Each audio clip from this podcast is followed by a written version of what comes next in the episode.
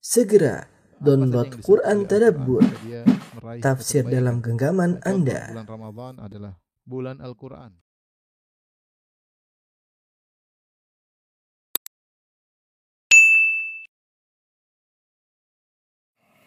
Uh, Bismillahirrahmanirrahim. Assalamualaikum warahmatullahi wabarakatuh. Alhamdulillahi ala ihsanih wa syukru lahu ala taufiqihi wa amtinanih wa asyhadu an la ilaha illallah wahdahu la syarika lahu ta'ziman li sya'nih wa asyhadu anna Muhammadan abduhu wa rasuluhu da'ila ridwanih. Allahumma salli alaihi wa ala alihi wa ashabihi wa ikhwanih. Kita melanjutkan bahasan kita tentang fiqh al-asma al-husna tentang uh, memahami ten- uh, tentang nama-nama Allah yang terindah dan kita sampai pada nama Allah Al-Ghani. Al-Ghani. Al-Ghani secara bahasa artinya yang maha kaya, yang maha kaya. Uh, adalah makna yang dipahami oleh semua orang. Dia adalah lawan daripada al-faqr ya. Diddu al-faqir. Fakir maksudnya miskin, membutuhkan. Muhtaj, membutuhkan. Jadi al-ghani secara secara bahasa artinya uh, tidak membutuhkan kepada yang lain. Karena dia sudah berkecukupan. Ada yang lain. Uh, kata al-ghani dalam Al-Qur'an datang dalam 18 ayat ya. Ada 18 ayat menyebutkan tentang al-ghani. Ya. 18 ayat dalam Al-Qur'an ya. Di antara ayat tersebut Allah Subhanahu wa taala berfirman, Allah menggandengkan antara maha kaya Allah dengan maha miskin manusia. Kata Allah Subhanahu wa taala, "Ya ayyuhan nas" dalam surat Fatir, "Antumul fuqara ila Allah." Wallahu huwal ghaniyyul hamid. Allahu huwal ghaniyyul hamid. Sini Allah mengatakan wahai manusia kalian, kalian fuqara, kalian fakir fakir yaitu manusia miskin secara zatnya. Manusia ya miskin fakir secara zatnya. Dan apa namanya? Uh, zatnya dia but, dia memang fakir ya. Dari sisi apa? Dari sisi dia membutuh dia butuh kepada Allah kepada Allah untuk mengadakannya, mengijaduhu yaitu mengadakannya untuk meng, men, merubahnya dari alam ketiadaan menjadi alam wujud. Mengadakannya, menciptakannya dari ketiadaan kepada alam wujud. Alam nyata. Dia butuh kepada Allah Subhanahu wa taala. Kemudian dia butuh dari tidak ada menjadi ada, kemudian dia juga butuh untuk dia fakir butuh kepada Allah untuk mempertahankan hidupnya.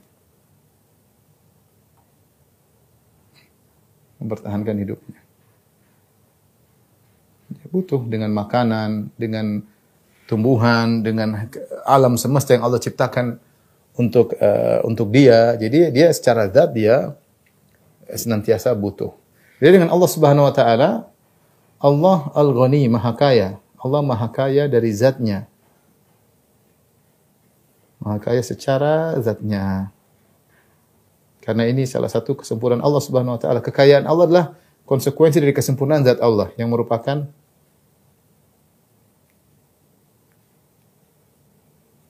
yang merupakan konsekuensi dari uh, dari kesempurnaan zat Allah. Kesempurnaan zat Allah.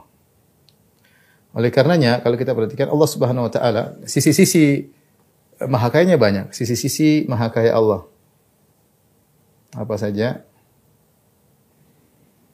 Di antaranya misalnya Allah Subhanahu wa taala tidak membutuh pasangan, ya. Allah tidak butuh pasangan.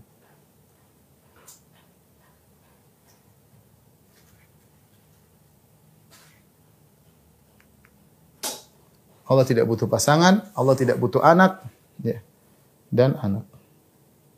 Makanya Allah membantah orang musyrikin kata Allah Subhanahu wa taala, "Wa qalu ittakhadallahu waladan subhanahu huwal ghani." Ya. Qalu ittakhadallahu walada. Allah berfirman, "Qalu ittakhadallahu walada."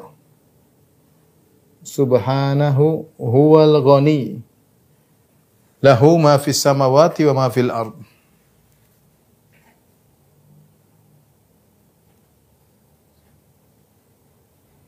Yang artinya mereka berkata Allah punya anak. Allah bantah. Allah tidak tidak punya anak. Kenapa? Huwal ghani. Karena Allah maha kaya. Kemahakayaan Allah membuat Allah tidak butuh dengan anak. Allah tidak butuh istri, Allah tidak punya, punya anak. Ya, beda dengan kita manusia, hewan membutuhkan pasangan, butuh anak. Kita butuh anak. Kenapa kita pingin pingin kebahagiaan yang melihat anak. Betapa orang banyak sedih dia dia nggak punya anak. Dia butuh anak. Butuh anak sebagai penggembira dia, qurratu ainihi sebagai penyejuk pandangannya. Uh, kemudian juga sebagai penerus usahanya misalnya atau akan mengurus dia pada di waktu dia masa jompo, yang butuh kepada anak. Allah tidak butuh anak. Makanya Allah ketika ketika membantah orang yang Allah punya anak, di antara cara bantah Allah mengatakan huwal goni. Allah maka tidak butuh kepada istri maupun kepada kepada anak. Makanya setelah itu Allah mengatakan lahu ma fis samawati ma fil ardi. Seluruh langit dan bumi semuanya milik Allah. Allah ciptakan. Makanya ketika dalam surat Maryam juga Allah membantah orang-orang Nasara yang mengatakan Allah punya anak kata, kata Allah in kullu man fis samawati man fil ardi illa atir rahmani abda semua yang di langit dan di bumi malaikat-malaikat malaikat Jibril yang di bumi Nabi Muhammad Nabi Musa Nabi Isa ya semuanya akan datang kepada Allah sebagai hamba Allah tidak butuh kepada kepada kepada anak-anak di sini maha kaya Allah tidak butuh kepada yang lainnya Allah tidak butuh kepada yang lainnya dan Allah tidak butuh kepada manusia Yang kedua,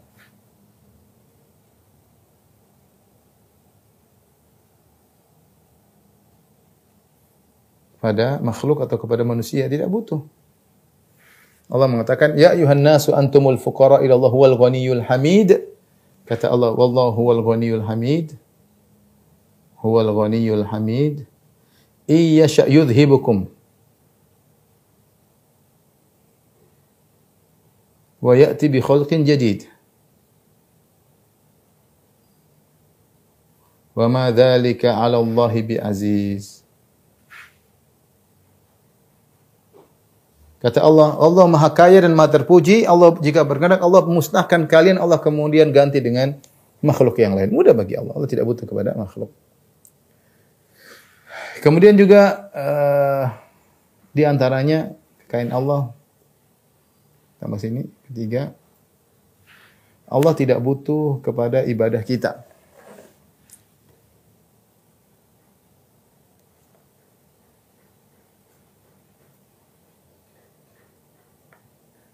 Dalam Al-Quran Allah Subhanahu wa taala berfirman, "Wa man yashkur fa inna ma yashkuru nafsihi."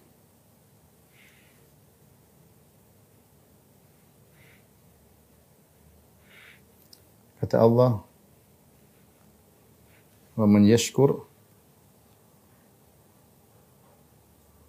fa innama yashkur li nafsihi wa man kafara perhatikan wa man kafara fa inna rabbi ghaniyun karim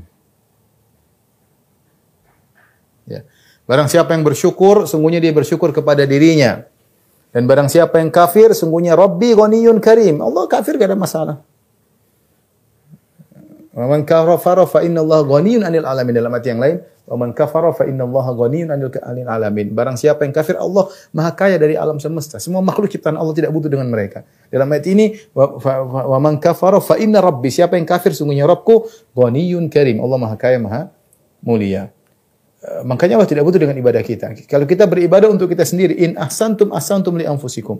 Kalau kalian beribadah untuk diri kalian. Wa in asatum falaha. Kalau kalian berbuat buruk untuk kembali kepada diri kalian. Dalam hadis qudsi kata Allah Subhanahu wa taala, "Ya ibadi, law anna awwalakum wa akhirakum wa insakum wa jinnakum kanu ala atqa qalbi rajulin wahidin minkum ma zada fi mulki syai'a." Wahai hamba-hambaku, jika kalian seluruhnya jin dan manusia dari awal sampai akhir, seluruh jin dan seluruh manusia dari awal sampai akhir. Jadi Nabi Adam alaihissalam sampai manusia terakhir. Dari iblis sebelum iblis semua jin Kanu ala atqar qalbi rajul wahidin minkum semuanya berada di atas hati orang yang paling bertakwa. Taruhlah semuanya seperti jin, seperti hatinya malaikat Jibril. Dan manusia seluruh hatinya seperti Nabi Muhammad SAW. Apakah itu akan menambah kekayaan Allah? Sama sekali tidak kata Allah, ma zada fi mulki syai'a. Itu semua tidak akan menambah kekayaanku. Tidak ada pengaruhnya. Ya, karena kalau kalian bersyukur untuk diri kalian sendiri, wa may yashkur fa innama yashkuru li nafsih. Siapa yang bersyukur dia telah bersyukur untuk dirinya sendiri. Wa man kafara fa inna rabbi karim. Siapa yang kafir, maka Rabbi maha kaya dan tidak butuh dengan itu semua. Kemudian lagi misalnya, di antara makna sisi maha kaya Allah Subhanahu wa taala,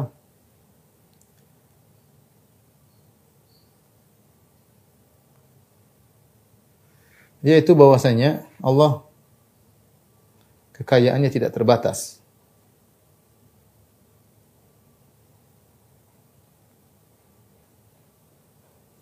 Tidak terbatas. Ya. Di antara dalam hadis dalil akan hal ini Rasulullah SAW bersabda dalam hadis kata Rasulullah SAW, Yadul yadullahil mal'a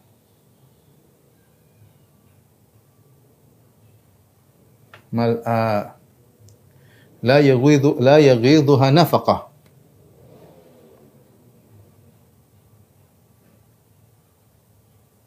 Sahaul laili wan nahar. Dan seterusnya. Saya bacakan hadisnya. Kata Nabi SAW, Yadullahil mal'a. Tangan Allah itu mal'a, penuh. Selalu penuh dengan kebaikan. Tidak pernah berkurang. Selalu penuh dengan kebaikan. La yaghidhuha nafaqah. Semua pemberian Allah tidak mengurangi kekayaan Allah yang berlimpah ruah di tangan Allah Subhanahu Tidak mengurangi nafkah. Sahaul lay sahaul laili wan nahar, senantiasa dermawan siang hari dan malam hari. Senantiasa memberi tiada hentinya. Allah memberi tiada hentinya. Kemudian kata Nabi SAW, Aro'aitukum, aro'aitum, ma anfaqa mundu khalaqa samawati wal ard, fa inna dhalika lam yaghid ma fi yadihi kata Nabi SAW bagaimana menurut kalian? Sudah berapa banyak Allah infakkan sejak Allah ciptakan langit dan bumi? Sudah ribuan tahun mungkin jutaan tahun Allah sudah berinfak sudah memberi pemberian bagi dunia bagi alam semesta bagi makhluk. Allah sudah memberikan pemberian sejak zaman Allah menciptakan langit dan bumi. Itu semua yang Allah keluarkan untuk memberikan semuanya. Lam yaghid ma fi yadihi tidak mengurangi apa yang ada di tangannya.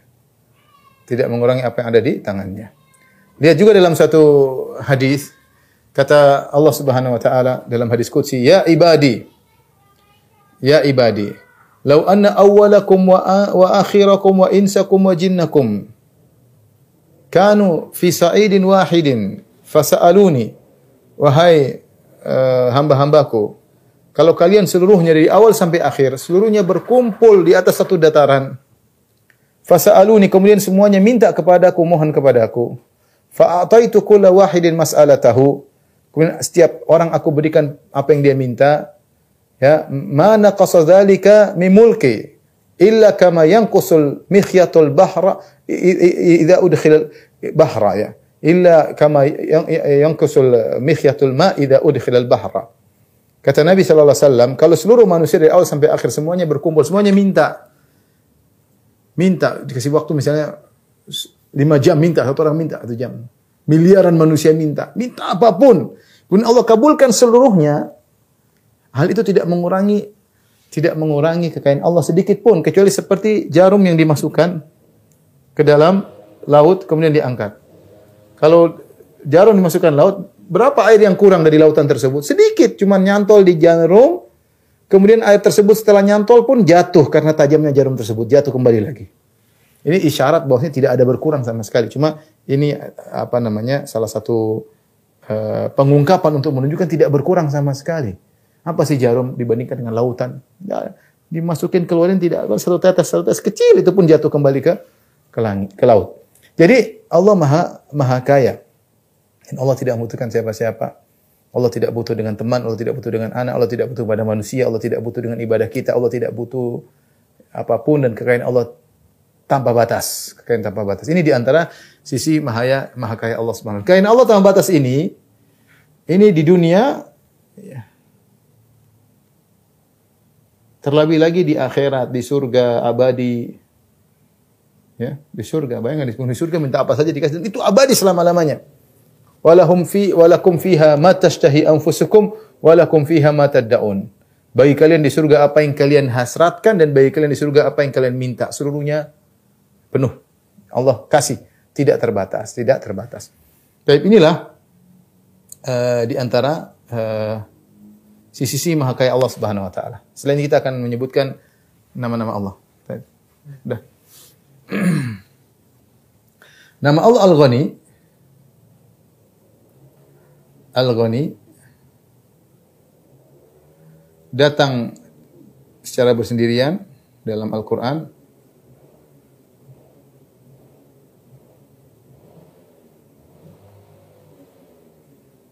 Seperti tadi ayat yang kita sebutkan Allah berfirman contohnya huwal ghani.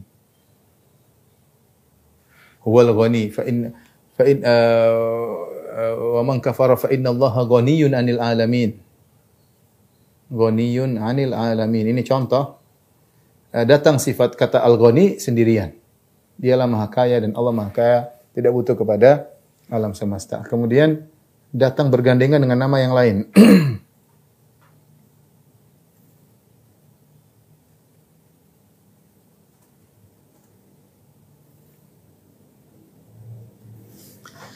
Di antaranya misalnya uh, bergandengan dengan karam al-ghaniyul karim.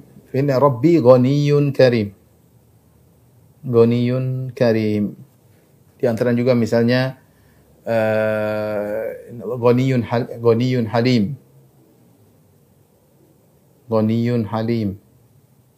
Di antaranya juga misalnya uh, ghaniyun karim halim, ghaniyun hamid. Fa inna Allah huwal ghaniyul hamid.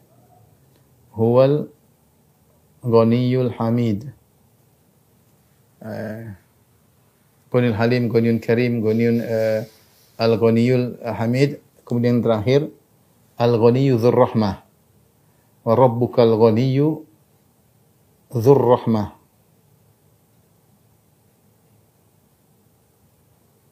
Perhatikan di sini ini ada empat model. Uh, di mana nama Allah Al-Ghani di digandengkan. Pertama Goniyun Karim. Uh, Goniyun Karim. Jadi Allah Maha Kaya dan Allah Maha Maha Baik. Karim itu Maha Baik, Maha Dermawan ya. Kaya, dermawan. Ya, ini ini sifat Allah Subhanahu wa taala. Dan sangat kaya, sangat dermawan. Berbeda dengan manusia yang sebagian mereka kaya kemudian sombong, tidak tidak karim pelit, sombong. Kata Allah Subhanahu wa taala, "Kalla innal insana la yatgha ar-ra'ahu Sungguh manusia itu melakukan tughyan yaitu berbuat zalim ketika dia merasa dirinya kaya. Dan itu terjadi.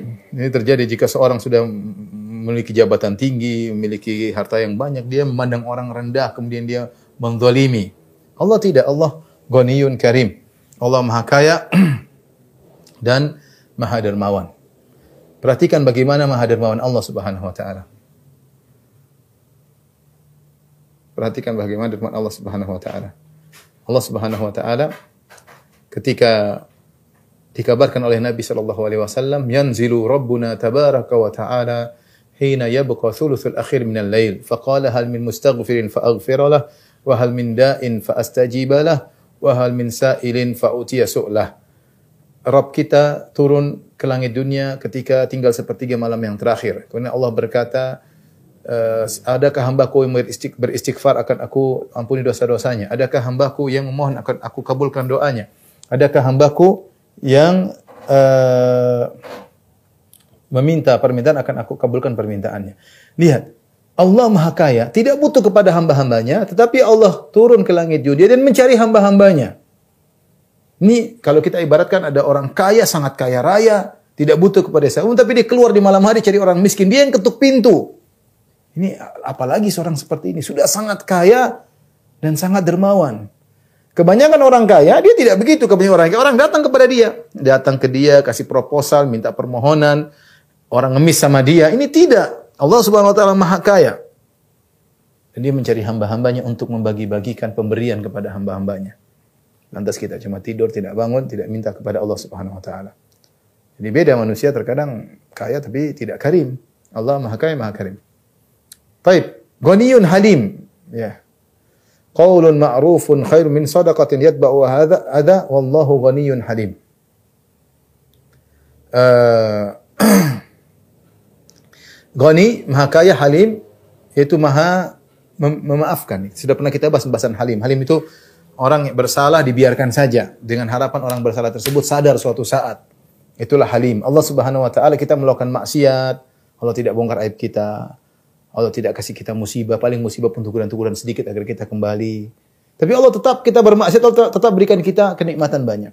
Kenapa? Karena Allah halim. Halim. Sebagaimana Nabi Ibrahim alaihissalam disifati dengan Inna, inna Ibrahim al halimun awahum munib. Ibrahim halim. Tidak cepat marah Ibrahim alaihissalam. Raja Namrud ngamuk-ngamuk. Raja Namrud membakar dia. Dia tidak berdoa, ya Allah hancurkan kaumku. Tidak. Ayahnya mengancam, mengancam, mengusir dia, mengancam untuk dilempar dengan batu. Dia tidak marah-marah. Ibrahim halim. Istrinya Sarah ketika cemburu kepada Hajar, Ibrahim juga tidak marah. Alaihissalam. Ya, disebutkan kalau ada orang memaki-maki dia, dia cuma bilang, hadakallah, semoga Allah beri hidayah kepadamu. Justru didoakan kebaikan bagi orang dalam buku tafsir. Halim Ibrahim itu kalau alaihissalam kalau di, di, diganggu oleh orang, dia cuma mengatakan, hadakallah, semoga Allah beri petunjuk kepadamu. Sering diganggu, diusir dan macam-macam tapi dia halim. Itulah Allah walillahil matsalul a'la, Allah lebih daripada itu semua. Manusia melakukan eh, kerusakan ini macam-macam. Allah beri beri eh, nikmat kepada mereka. Goni Allah Maha Kaya dan Allah Halim. Dengan harapan mereka bertobat suatu saat. Mereka bertobat suatu saat. Manusia tidak. Manusia kalau udah kasih ada yang bikin dia ungkit-ungkit. Ada kasih terus yang dikasih bikin masalah dia ungkit-ungkit. Makanya Allah berfirman, qaulun ma'rufun. Kata-kata yang baik nolak. Khairun min sadaqati yatba'u ahla. Lebih baik daripada sudah kasih pemberian tapi menyakiti hati. Wallahu ghaniyun halim. Allah adapun tidak Allah Maha Kaya, Allah Halim. Allah tidak memaafkan. Ya manusia eh, kita kita kita kita bicara manusia umum. Kalau kita berbuat baik sama orang, nanti ada orang itu bikin jengkel sama kita, kita ongkit oh dulu saya yang bantu dia, dulu saya yang anu. Allah tidak, Allah Maha Kaya, maksiat Allah tetap beri. Makanya dia Ghaniyun Halim. Kemudian Al-Ghaniyul Hamid, Inna Allah lahu al Ghaniyul Hamid. Sebenarnya Allah Subhanahu wa taala lahu al Ghaniyul Hamid. Dialah adalah yang Maha Kaya lagi Maha terpuji. Banyak orang kaya namun tidak terpuji. Betapa banyak uh, orang kaya dimaki-maki oleh orang, betapa banyak pejabat dimaki-maki oleh orang. Betapa banyak orang kaya yang kemudian melakukan hal yang tidak senonoh, melakukan kemaksiatan, kemungkaran, uh, tidak bisa mengontrol dirinya. Jadi bahan cercaan ya. Adapun Allah Subhanahu wa taala Maha Kaya, Maha terpuji. Maha Kaya dan Maha terpuji. Yang terakhir Al-Ghaniyyu huwal Ghaniyyu dzur rahmah. Rabbukal ghaniyyu wa rabbukal ghaniyyu dzur rahmah. Surat Al-An'am. Sungguhnya Allah Maha Kaya dan pemilik rahmat. Sebagian manusia kaya tapi tidak peka terhadap orang miskin. Cuek aja dia hidup dengan foya-foya. Sebagian manusia sangat peka terhadap kemiskinan. Lihat orang kasihan. Tapi dia nggak punya apa-apa untuk diberikan kepada orang miskin tersebut. Dia bukan orang orang kaya.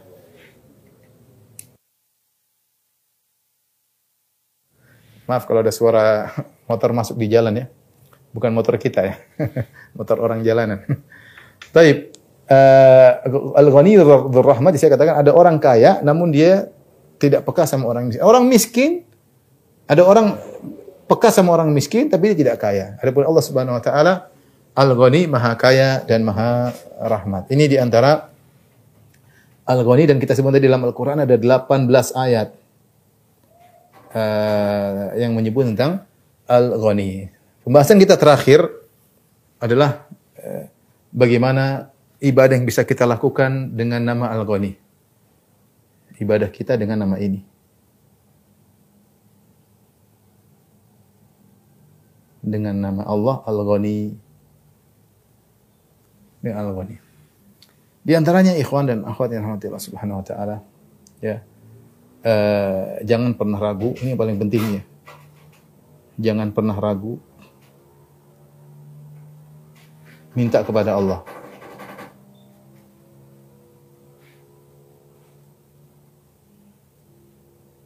Minta kepada Allah. Kenapa ikhwan? Karena Allah kekayaan unlimited. Allah kekayaan tidak tidak ada batasnya. Manusia kalau kita minta, sekali dia senyum, kedua kali dia senyum. Mungkin dia memberi kita nggak perlu minta. Ketiga, keempat, kelima, dia merengut.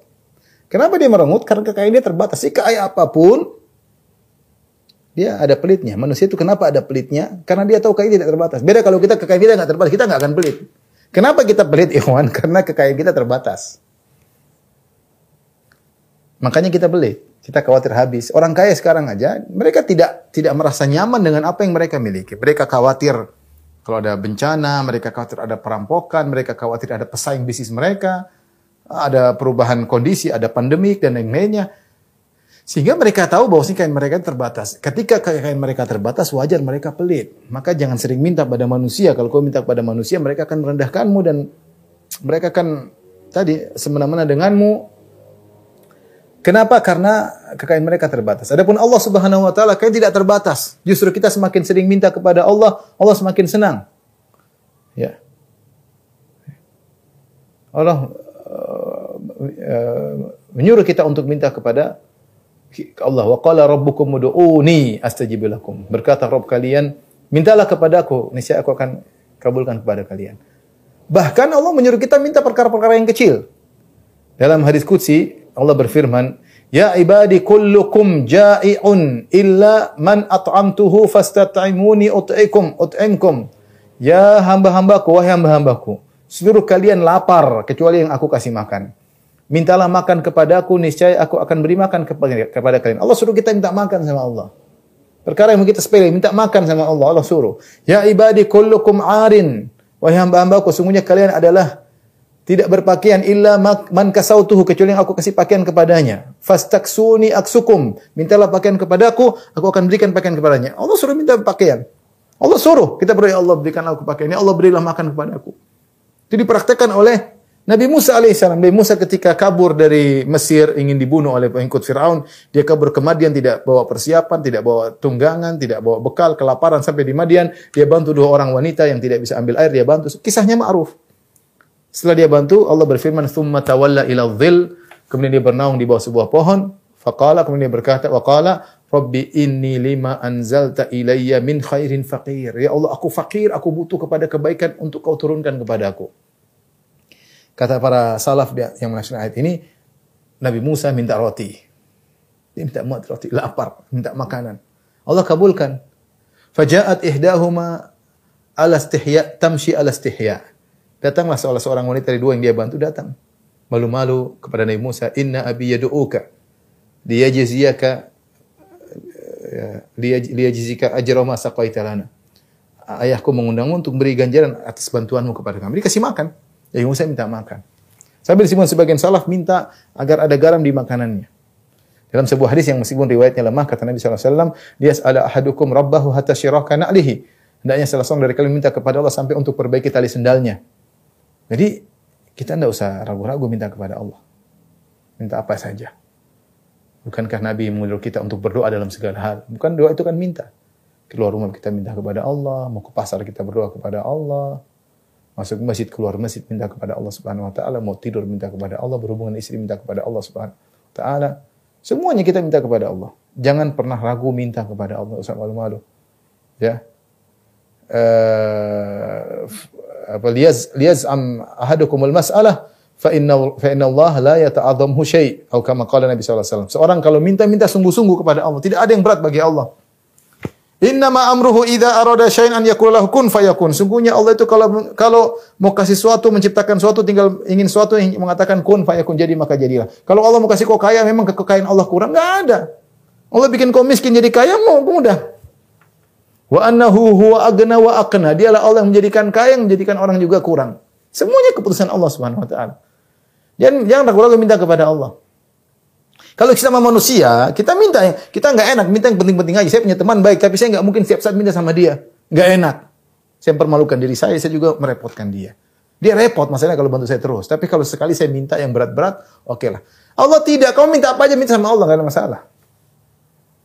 Tidak ada yang susah bagi Allah Subhanahu wa taala. Jangan kita, aduh, nanti aja lah kalau susah baru minta sama Allah. Seakan-akan kita tidak butuh sama Allah pada sisi yang mudah. Padahal kita senantiasa butuh kepada Allah Subhanahu wa taala. Kita ini butuh nafas, butuh apa udaranya dari Allah Subhanahu wa taala.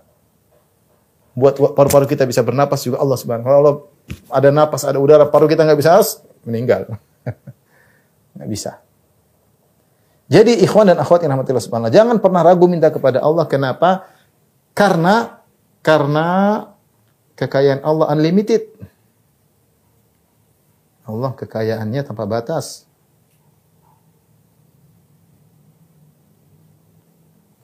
Kemudian Semuanya tinggal kun fayakun, mudah. Kun fayakun. Manusia tidak. Makhluk, kalaupun dia kaya, dia nisbi, kekayaannya nisbi, relatif, terbatas pada sebagian sisi. Pada waktu tertentu tidak kaya selalu dan pada sebagian sisi kekayaan manusia. Saya contohkan misalnya ada taruhlah raja, presiden mungkin kurang kaya raja yang punya negara.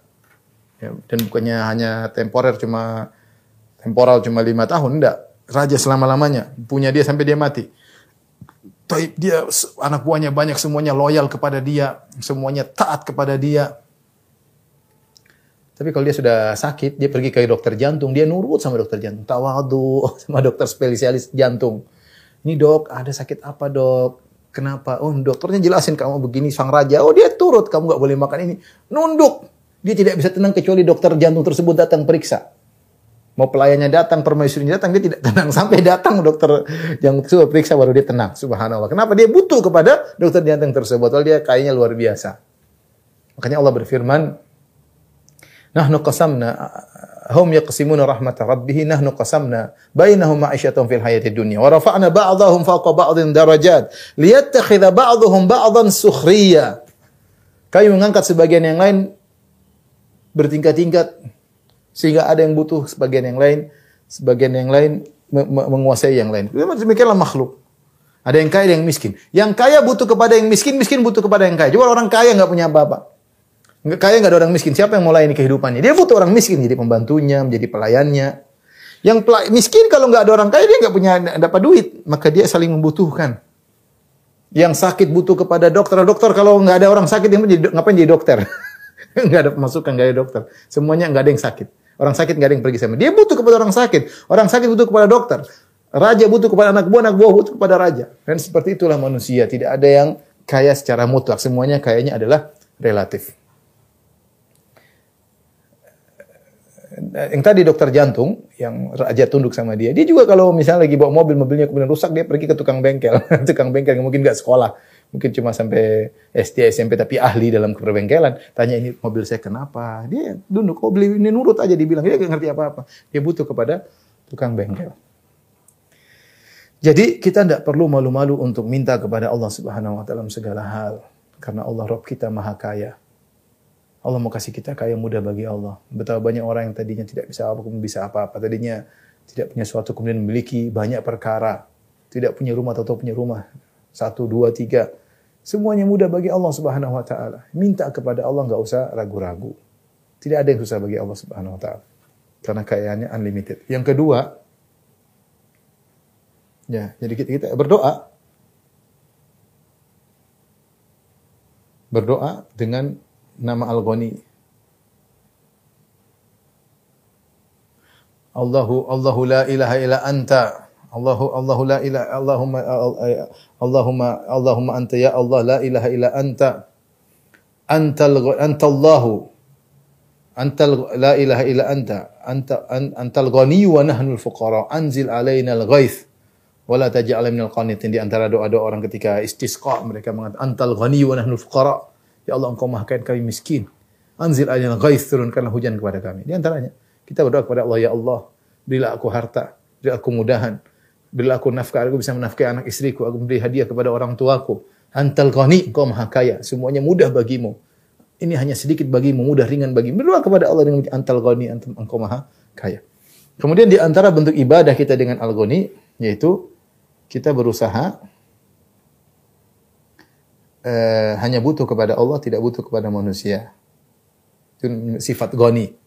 Butuh kepada Allah. Ini Allah suka seperti ini. Allah suka kita butuh padahal tidak butuh kepada manusia. Berusaha bukan tidak butuh, kita pasti butuh tapi berusaha meminimalkan kebutuhan kita kepada manusia sehingga hati kita hanya tergantung kepada Allah. Kita berusaha hanya butuh kepada Allah, ya. Eh, di antaranya kita doa Allahumma kfini bihalalika an haramika wa agni bifadlika amman siwak. Allah makfini bihalalikan haramik. Wa agrini bifadlika, ya Allah pun cukupkanlah aku dengan kemulia karuniamu, aman siwak, sehingga aku tidak butuh kepada yang lain. Dalam doa, wa agrini bifadlika aman siwak. Buatlah aku merasa cukup dengan karuniamu dari selainmu ya. Dan uh, dalam hadis innallaha yuhibbu dalam hadis muslim hadis muslim hadis Sa'ad bin Abi Waqqas innallaha yuhibbu al-abdu al-abda al-ghani at-taqi al-khafi. Allah cinta kepada hamba yang al-ghani yang kaya itu tidak mencukupkan diri ya. Kemudian di antaranya ridha dengan pemberian Allah. Kata Nabi sallallahu alaihi wasallam, "Irda bima qasamallah takun agnan nas." Ridhoilah, ridholah dengan apa yang Allah bagikan kepada engkau, takun agnan nas, maka engkau menjadi orang yang paling kaya, ya. Laisal ghina an kasratil arad, walakinnal ghina ghina nafs. Bukanlah kekayaan yang sungguhnya dengan banyak harta, tapi kekayaan yang sungguhnya adalah dengan jiwa yang merasa puas. Ini ikhwan dan akhwat yang rahmati Allah Subhanahu wa taala uh, tentang nama Allah Al-Ghani uh, sehingga semoga kita bisa lebih cinta kepada Allah dan bisa beribadah kepada Allah dengan nama Al-Ghani tersebut. Demikian wabillahi taufiq wal hidayah. Assalamualaikum warahmatullahi wabarakatuh.